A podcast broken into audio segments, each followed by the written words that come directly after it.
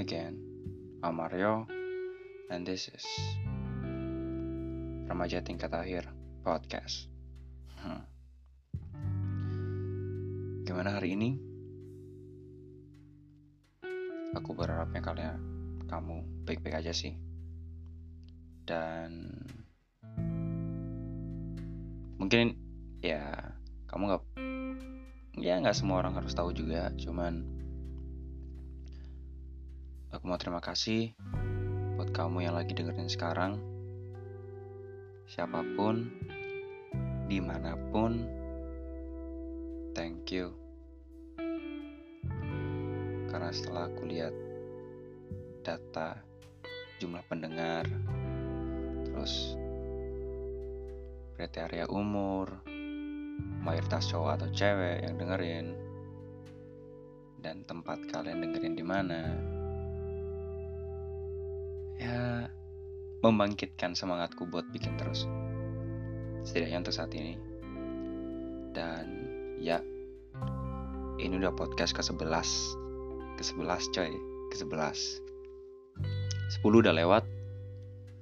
Dan ya masih senang mengerjakannya. Oke, cukup. Selesai bacotannya. Dan sekarang aku mau aku mau ngomongin soal cinta. apa pun, gak apa pun juga sih. Intinya tentang hubungan percintaan. Ini pemahamanku sendiri.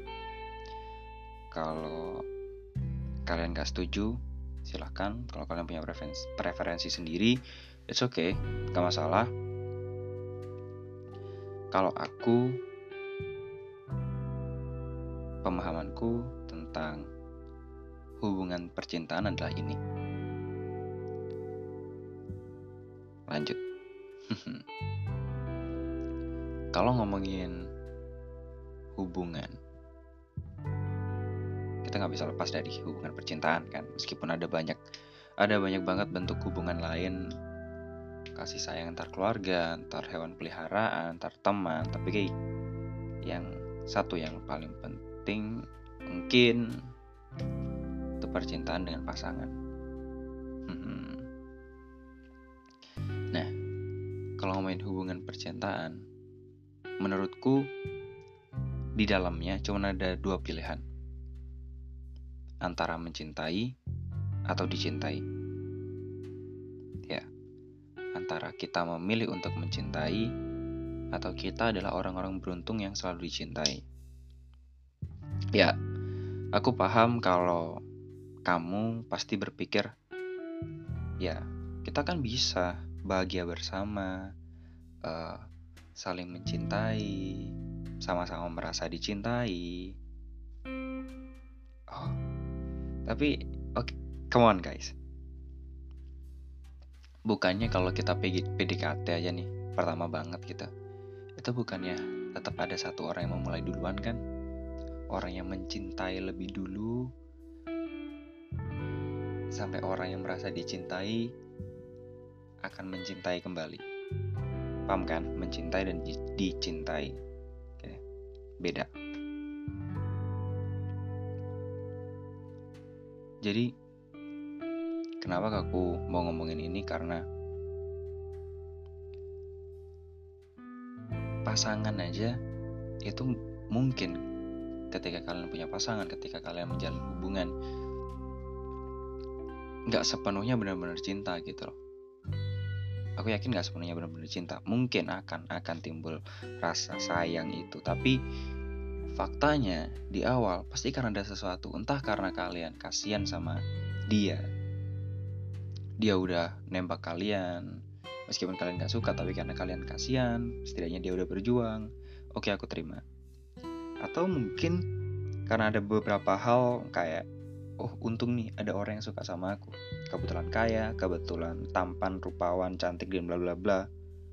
Apalagi baik. Ya ada hal-hal yang kalian jadi pertimbangan kalian yang mengesampingkan rasa sayang, rasa cinta, rasa suka, bodo amat yang penting aku bisa dapet dia gitu. nah. Tapi bebas juga sih sorry maksudku bebas juga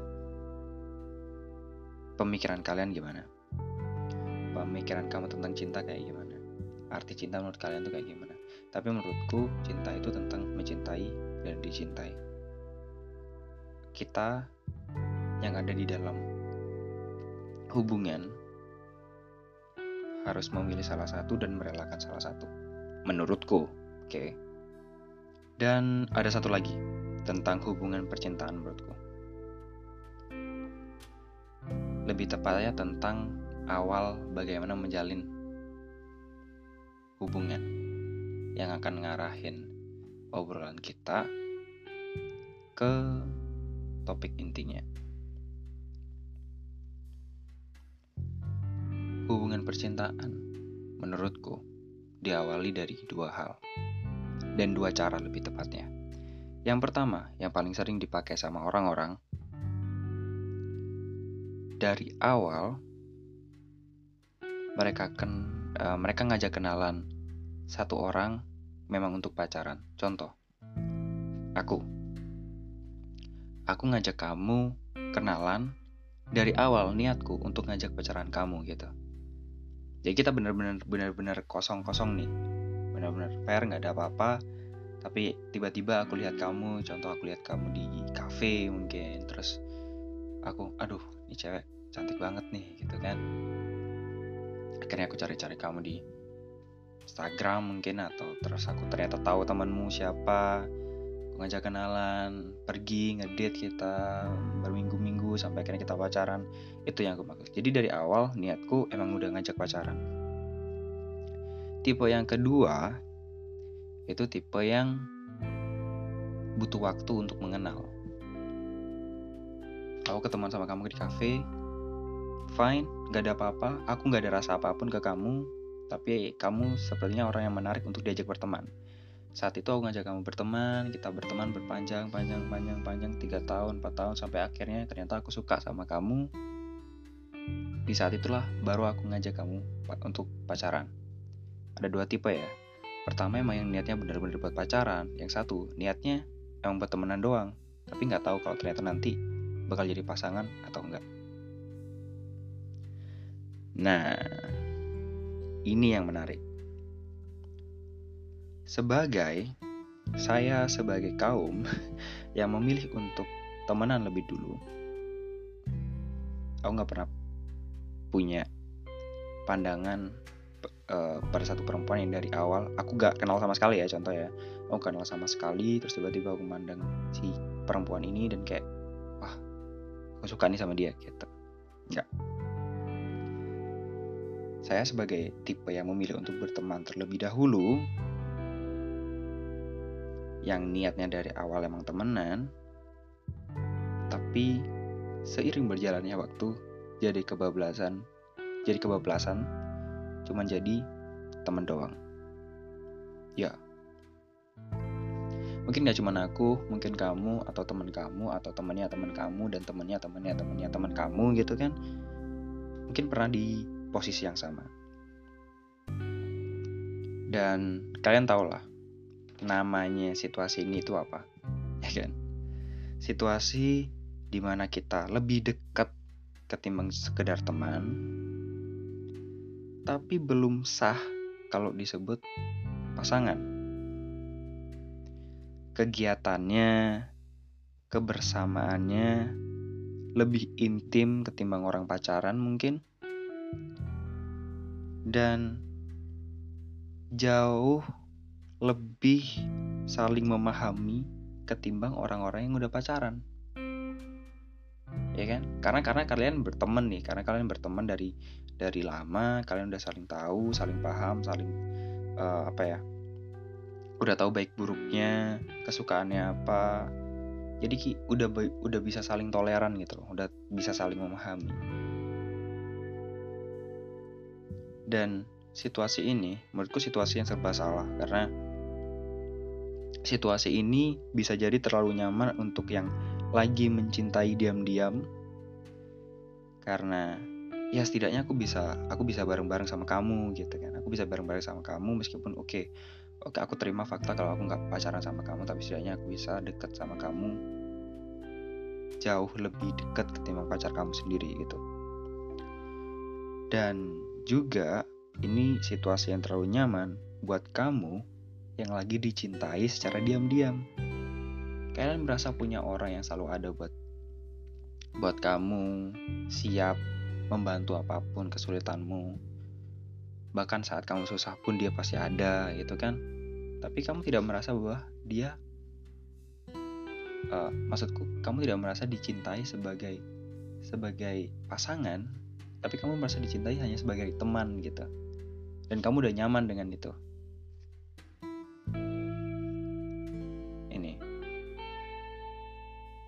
ini yang awalnya benar-benar temenan tapi karena waktu dan mungkin situasi-situasi yang tercipta, momen-momen yang tercipta antara kalian berdua yang akhirnya menumbuhkan perasaan-perasaan untuk tetap saling menjaga dan saling berusaha untuk tetap ada ketika dibutuhin.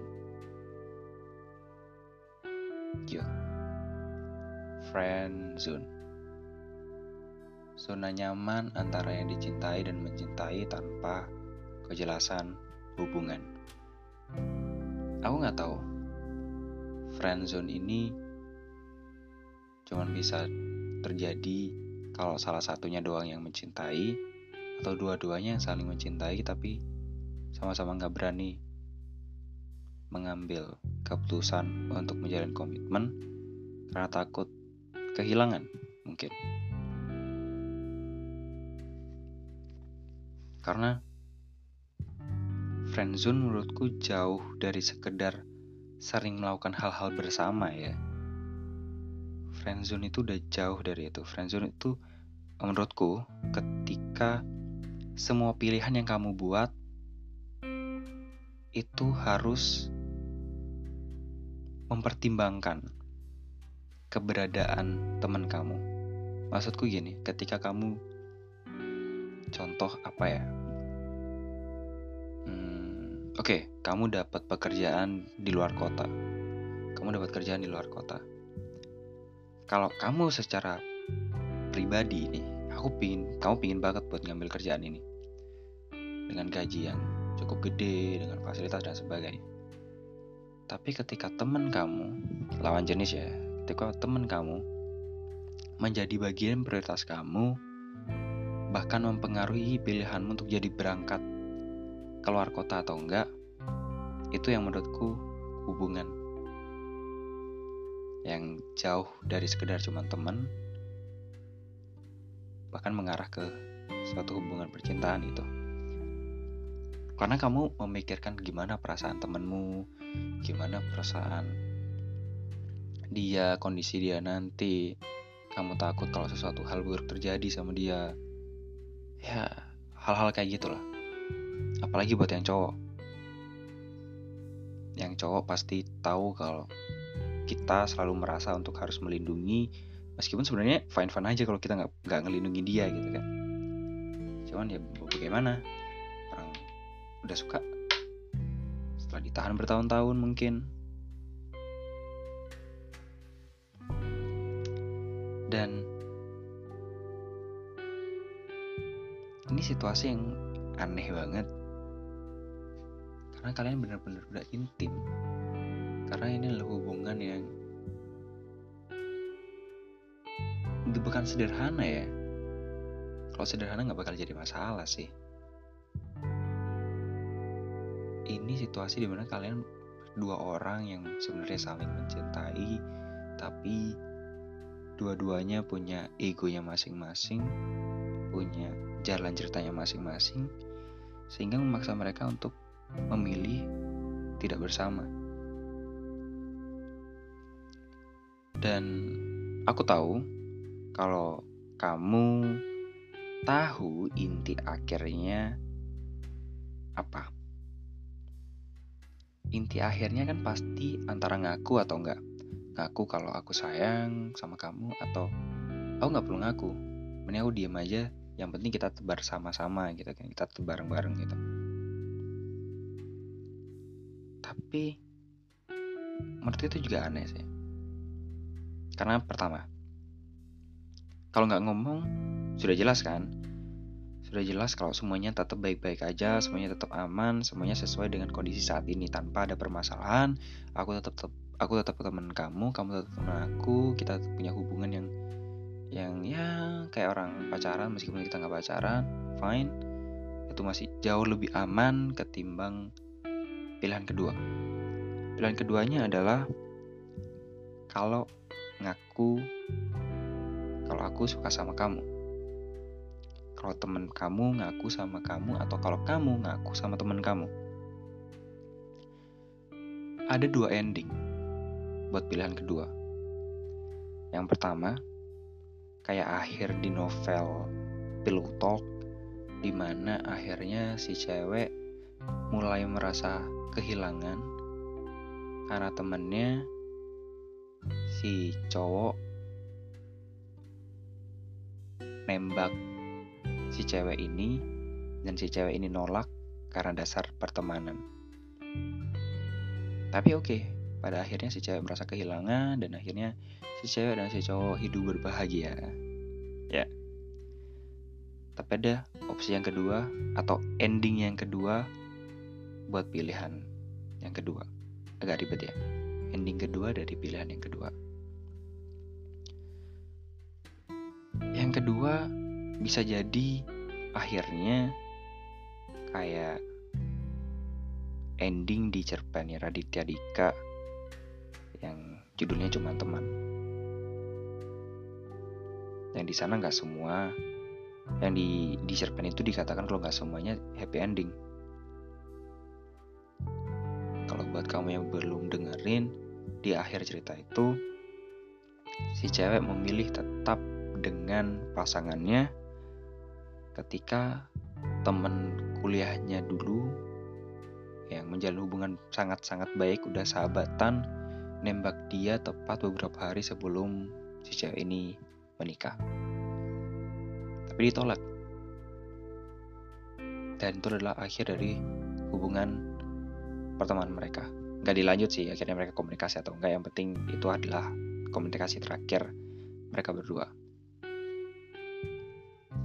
Bebas. Jadi buat kalian yang lagi friendzone sekarang, kalian punya pilihan. Kalian punya pilihan untuk menetap atau ting uh, kalian punya pilihan untuk tetap tinggal atau pergi gitu kalau tinggal ya konsekuensinya itu mungkin kalian tetap jadi teman gitu seberapa banyak seberapa besar perjuangan kalian buat teman kalian ya itu nggak kehitung. Kamu tetap teman. Kamu bukan pacar. Kamu bukan pasangan hidup. Kamu bukan siapa-siapa kecuali teman. Buat kamu yang memilih untuk pergi, yaitu pilihanmu. Setidaknya sebelum kamu pergi, kamu udah ngungkapin perasaan kamu kayak gimana ke teman kamu. Kalau kamu pilih yang mana? Aku Aryo. See you.